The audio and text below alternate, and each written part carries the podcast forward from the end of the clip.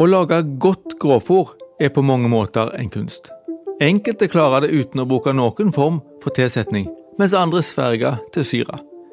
Ensileringsmidler med salt, som kofasil, skal redde oss for sporer og listeria, men bakteriepreparat er kanskje både billigere og bedre. Rådene er mange, og selgerne er dyktige. Svogerforskningen dominerer, og det kan virke tilfeldig hva som virker. Men hvor viktig er ensileringsmiddelet for kvaliteten på fôret? Og er det egentlig det samme hva du tilsetter?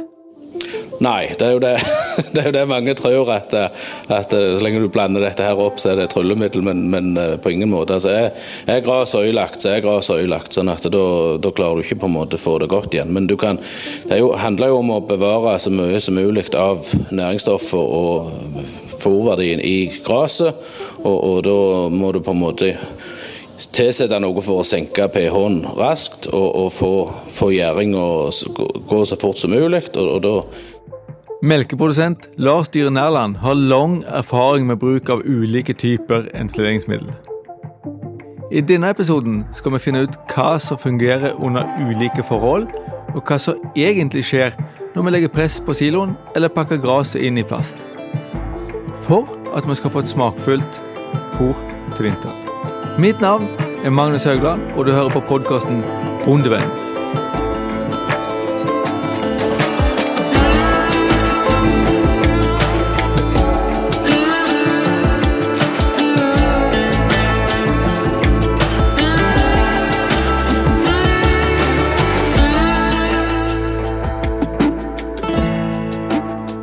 Podkasten Bondevennen blir presentert i samarbeid med Sparebank1 SR-Bank og Tveit Regnskap.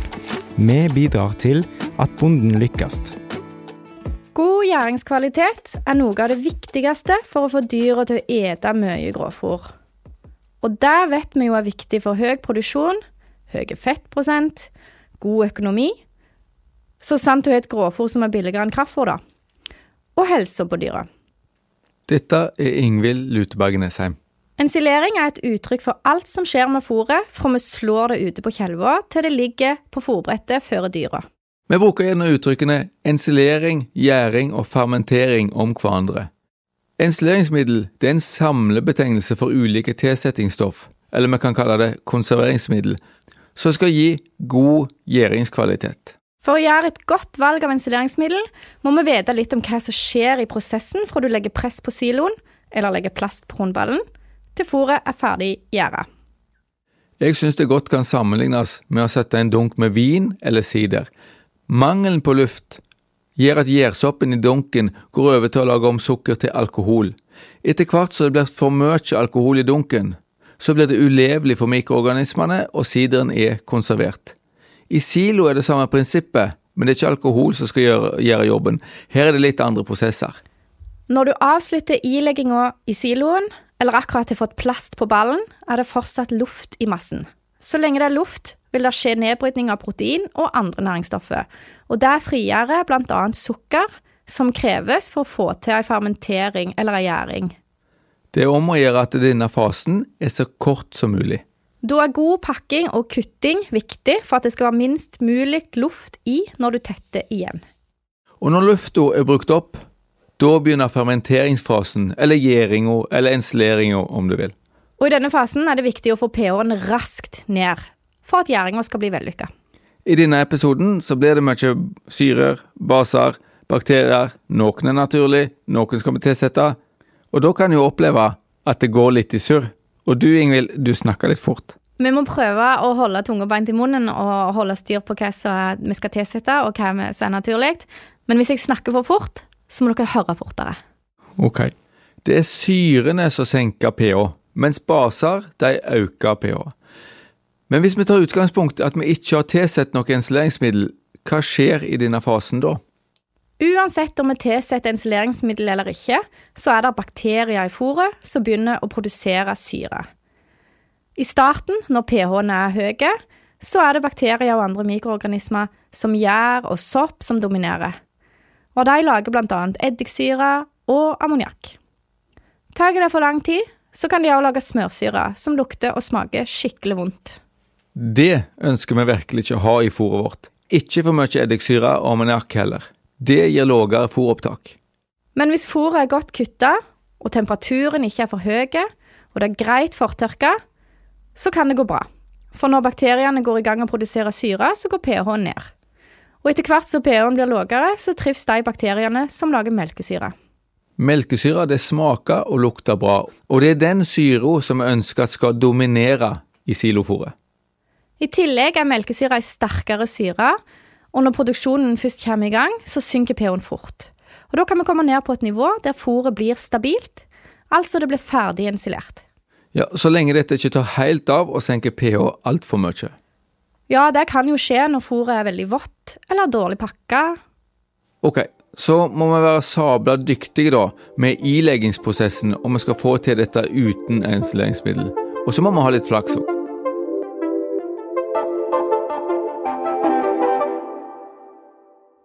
Ja, det er mulig å lykkes uten ensileringsmiddel, men det er litt som å kjøre uten setebelte. For er du en veldig flink sjåfør, alltid gjør alt rett i trafikken, så minker jo sjansen for ulykker, men du kan likevel få en lastebil rett mot deg, og da går det galt. Kanskje en litt drøy sammenligning, du dør jo for så vidt ikke av dårlig silo. Jo, jeg dør litt inni meg hvis jeg ser en plansilo der snøen ikke legger seg oppå fordi gjæringen har gått feil og vi får varmgang. Eller hvis vi får smørsyregjæring som gir en forferdelig smak og lukt. Ja, og så er det snakk om vanvittige pengesummer om hele avlinga smaker drit og dyra ikke vil ha det. Heldigvis så finnes det midler som kan hjelpe prosessen i gang, og øke sjansen for at det er de rette syrene som dominerer og gir oss et smakelig fôr. I hovedsak så har vi tre grupper installeringsmiddel som er vanlige i dag. Det er de syrebaserte, de saltbaserte, som kofasilproduktene, og så de bakteriebaserte. Og de har ulike funksjoner. Vi har snakka med Sverre Hegseth. Han er rådgiver i Landbruk Nordvest, og han har jobba mye med ensileringsmiddel i mange år. Først så skal vi få høre om maursyrebaserte ensileringsmiddel. Maursyre er den kraftigste pH-senkende syra som umiddelbart eh, slår ned pH-en i eh, gresset og laga livsvilkår der pH-en bestemmer hvem som trives og hvem som ikke trives. Og Det bruker vi helt bevisst for å få spesielt smørsyrebakteriene til å oppleve at pH-en er for sur til at de kan trives. Og Da har vi lagt til rette for at mjølkesyrebakteriene er dem som jobber, for de behersker det pH-området som syra har laga. Det er hovedeffekten med å bruke maursyre. Historisk sett så har maursyremidlene de mest brukte installeringsmidlene her til lands. Da var det ikke vanlig med fortørking, men direktehausting i tårnsilo. Middel med mye maursyre er fortsatt relevant til bruk ved direktehausting i silo, eller med veldig svak fortørking. Gjæringa den skjer i vannet, og derfor kreves det sterkere gjæring når det er mye vann i gresset. Da trenger vi ei sterk syre, og maursyre er den sterkeste organiske syra vi har. Men de fleste fortørker jo gresset nå. Og når gresset blir torrere, så er det andre problemer som oppstår. Men plussen går på at du i tillegg har tilsettinger som eh, styrer litt mot mugg, og litt mot det vi kaller enterobakterier, altså bakterier som eh, bryter ned og jobber negativt med fôrkvaliteten. Når han sier plussen, så snakker han om produkter som f.eks. Ensil pluss og Grassat pluss. Disse virker jo på samme måte, men har i tillegg propionsyre, som virker hemmende mot f.eks. myggel. Syrebaserte ensileringsmiddel har lang tradisjon i Norge. Og de er kjent for å være det sikreste alternativet når en ikke får til god tørking. Men de er òg kjent for å tære på utstyr, og det kan være en HMS-utfordring, da disse relativt sterke syrene kan utgjøre en helsefare. Men det har kommet seg, i forhold til den gangen vi holdt på med å sølte med rein maursyre. Da gjaldt det å ha rent vann klart til å skylle. Senere år har det blitt mer og mer populært å bruke saltbasert insuleringsmiddel, som Kofasil eller Ekstrasil, som har en bakteriedrepende effekt.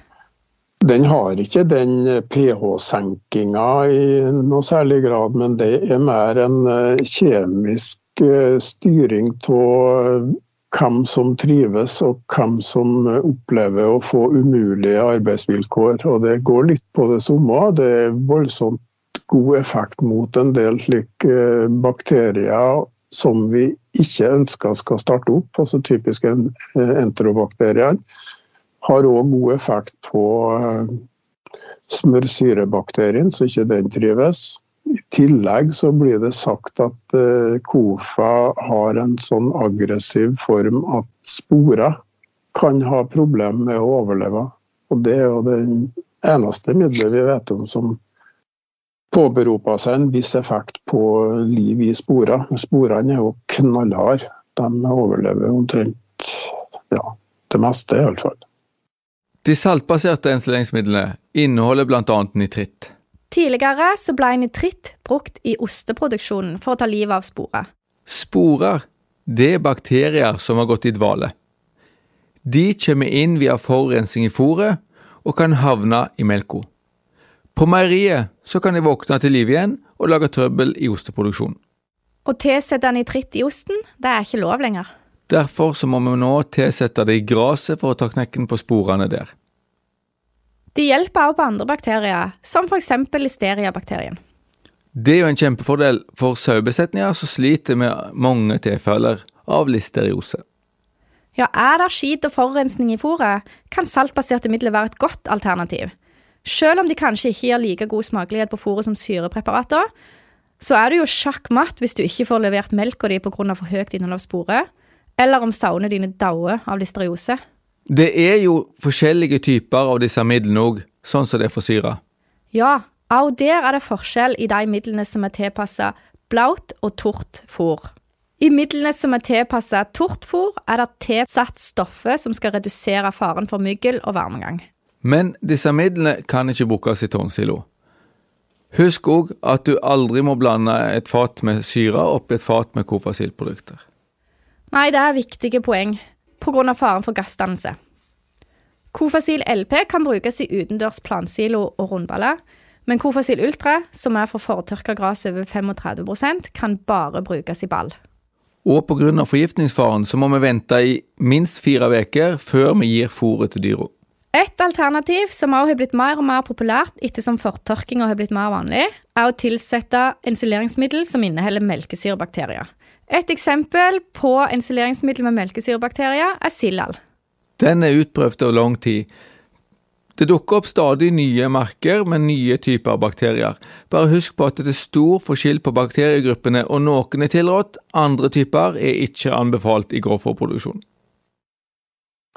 Ja, da er det først og fremst ei eh, trigging av den prosessen som mjølkesyrebakterien kjører. og den lager jo en mjølkesyre som er pH-senkende.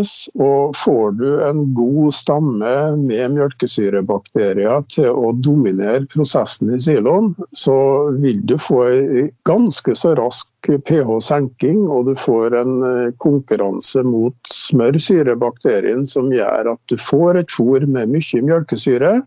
Det går litt på bekostning av sukker, for det er sukker som blir bruka av de bakteriene til å lage den mjølkesyra. Så du reduserer sukkernivået i massen, men du får mer mjølkesyre i massen. Og du har kjørt en prosess der eh, smørsyrebakterien ikke fikk en sjanse til å konkurrere. I beste fall. Det er sånn det skal skje. Lars Dyre Nærland har brukt melkesyrepreparat de siste 15 åra. La oss høre på hans erfaringer. Før så brukte vi for det meste syrepreparat. Grassat pluss, lakto, Lacto, Ensil, ja. Alt mye forskjellig. Eh, vi, hadde, vi drev maskinstasjon, og da så vi òg at uh, utstyret det på en måte tålte ikke denne her syrepreparatet. Det var rust og slitasje. Uh, det var i grunnen hovedargumentet for oss å prøve noe annet som ikke var så, var så hardt med utstyret. Og så har vi bare brukt det etterpå. og Det har liksom ikke vært noe uh, Vi har ikke tenkt så fælt over det, annet enn vi har bare fortsatt i den tralten som vi var, vært godt fornøyd. Jeg uh, så at fôret var uh, like godt. ikke mest sagt noe utprega bedre, men det var iallfall ikke dårligere. Så det var det som på en måte gjorde at vi følte dette her var noe å fortsette med. Vi hadde ikke, hadde ikke hele på med det i 15 år hvis ikke vi fikk godt resultat på det. Fôret var altså ikke dårligere. Fordelene Lars-styret opplevde, med mindre korrosjon på utstyret og lettere å håndtere, det var nok til at han fortsatte å bruke middelet. Eh, det er jo ikke farlig for eh, øye og hud, eh, sånn at du trenger liksom ikke tenke på at du får dette her på kroppen. Så er det veldig enkelt å blande opp. altså det er klart Syra er jo òg enkel å bare fylle på, men, men dette her skal lagres. Eh, bakteriepreparatet det har du bare liggende i fryseboksen, og så tar du det fram når du skal bruke det, og blander det opp på fem minutter. Og, og ja, det er i grunnen det som jeg syns gjør, gjør, det veldig enkelt. At du blander opp etter hvert som du trenger, og så det du ikke bruker, det eh, Du må bruke det opp innen 24 timer, da, men, men utenom det så, så, så, er det liksom lagra i en fryseboks i plassen for i 1000 liters containere.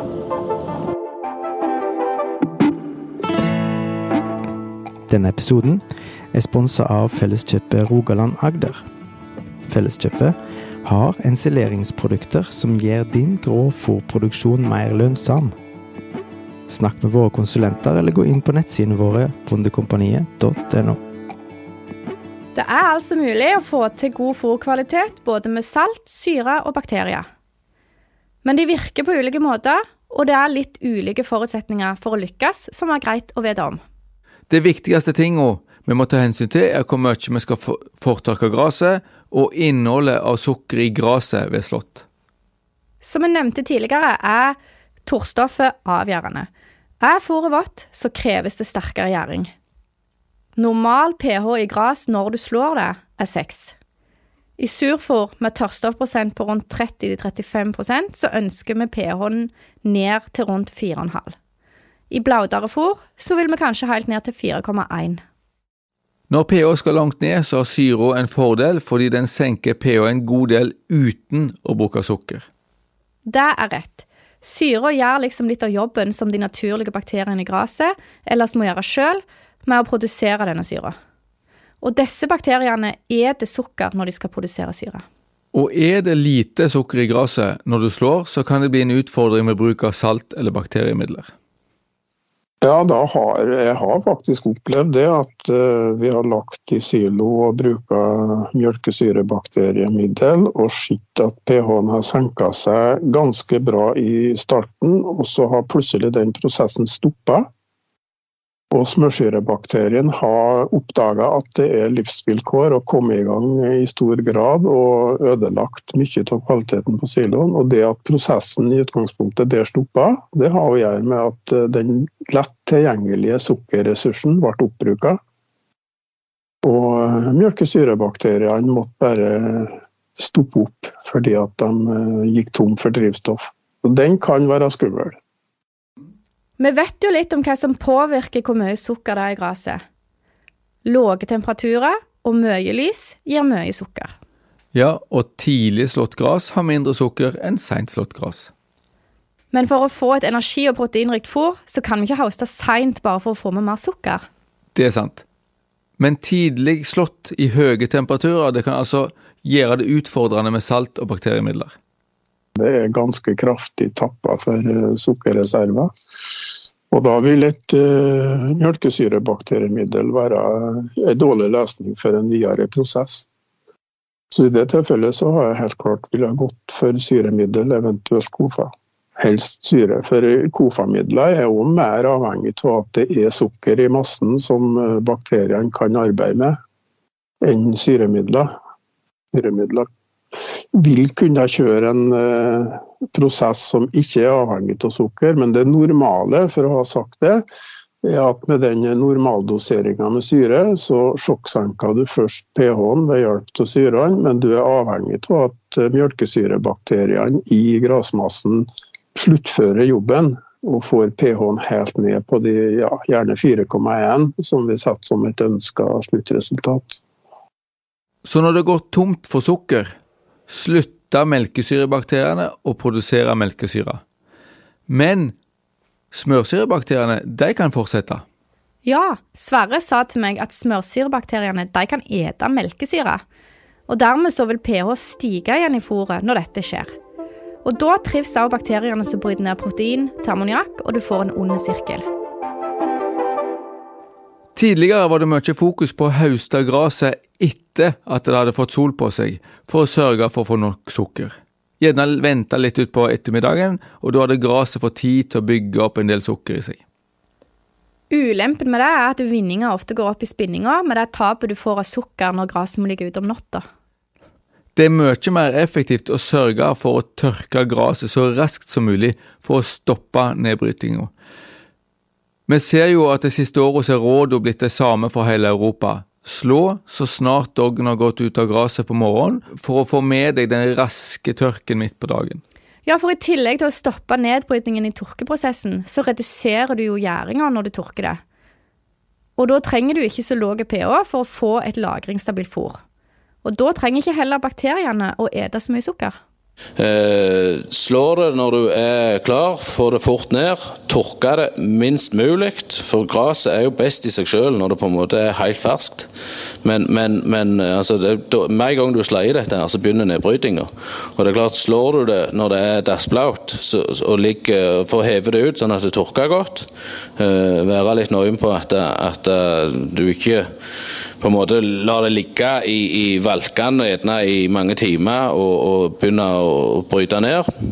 Uh, tørke det så kort, altså fort og, og kort som mulig til, til, det nærmer seg den tørrstoffprosenten som du vil ha. Og så få kjøre det i uh, så fort som du klarer det etterpå. At det ikke liksom, du bare venter en dag ekstra bare for løye. Altså, du, du har en liten plan med at når vi slår det, så vet du òg når du skal ta det. Det Lars Dyre sier her, det er veldig viktig. Enda viktigere enn hvilket ensileringsmiddel du bruker. Vi skal fokusere mer på tørking, raking og pakking i senere episoder. Ja, for resultatet i ensileringa handler veldig mye om jobben du gjør når du slår, tørker og pakker, og ikke minst å stenge lufta ute. Uavhengig av, av ensileringsmiddel så tenker jeg du skal tenke litt på stubbhøyden. Eh, ikke barbere det ned, for det, en ting er å på en måte få med seg alt eh, grapset ned i jorda. En annen ting er når riva kommer, så skal den gå dypere for å få det med. Eh, lufte det lite grann, det er ikke så mye skal til, men bare få det litt opp, sånn at du får lettere med deg den, det gresset som du skal ha inn. Uh, og, og, og, på en måte uh, få dette her inn i siloen og få dekka det til så fort som mulig. Sånn at du får på en måte uh, Tidligere så la vi gjerne i en, en silo i, i en tårnsilo la vi i flere dager på rad. Eh, plansilo hadde vi òg at vi ikke klarte å være ferdig på en dag. Nå bruker vi selvgående snitter og, og gjør alt på fem-seks timer. Og det er klart, Da, da, er, det ikke, da er det minimalt med åpe i siloen før du på en måte dekker den til. Og Det er bare å få dekka den til og, og få, få, titt, få en titt så fort som mulig. Det med stubbehøyde er et godt poeng. Å stubbe høyt har mange fordeler. Nederst på planten er den minst næringsrike delen av planten. Så stubber vi for lågt, så reduserer vi jo egentlig energiinnholdet i fôret. Og det er sånn som Lars Styre sier, det er her vi finner mesteparten av driten som vi ikke ønsker med i fôret. I tillegg så er det positivt for gjenveksten, for fordi gresset kommer raskere i gang og vokser om vi ikke barberer det helt nedad. Ensileringsmiddelet er viktig, syns jeg, at du bruker noe. Eh, men jeg mener jo at det er mye av den jobben du gjør likevel, som er vel så viktig, som får for lite fokus. Altså, vi snakker alltid om insuleringsmiddel, at eh, vi skal bruke det eller det, og det er så viktig. Og det, jeg tror Om du bruker noe insuleringsmiddel, og du finner et insuleringsmiddel som fungerer for deg, så syns jeg det er det viktigste. Og så er det alt det andre arbeidet du gjør, som på en måte legger grunnlaget. Du kan ikke forandre en, en dårlig silo eller et dårlig gras med å på en måte tilsette noe insuleringsmiddel. Hvis du har gjort eh, mange andre ting, eller mye av det annet gale, så, så, blir, dette her, blir det ikke bedre av å bare sette i noe insuleringsmiddel. Her er vi inne på noe sentralt. Vi må ha kvalitet i alle ledd hvis vi skal få til en god gjeringskvalitet. Og det er også Sverre Hegseth helt enig i.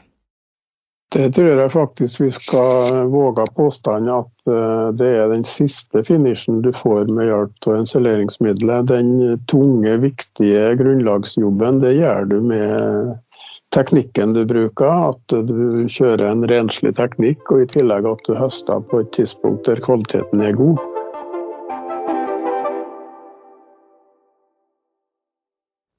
Dess mer verdifullt fôret er, dess viktigere er det å legge sjela si ned i å få til en god gjæringskvalitet. Vi ønsker jo god smak, uansett hvor seint eller tidlig vi slår. Men fôr som er seint slått, med mye struktur, er enklere å ensilere. Det går sjeldnere galt med sånt fôr. Fôr som er tidlig slått, og som har mye protein, er vanskeligere å ensilere. For det første så er det mer blad, og det gjør det vanskeligere å tørke. Typisk reigras trenger ofte lengre tørketid for å oppnå samme tørrstoff som seint slått strårikt gras, sånn som timotei.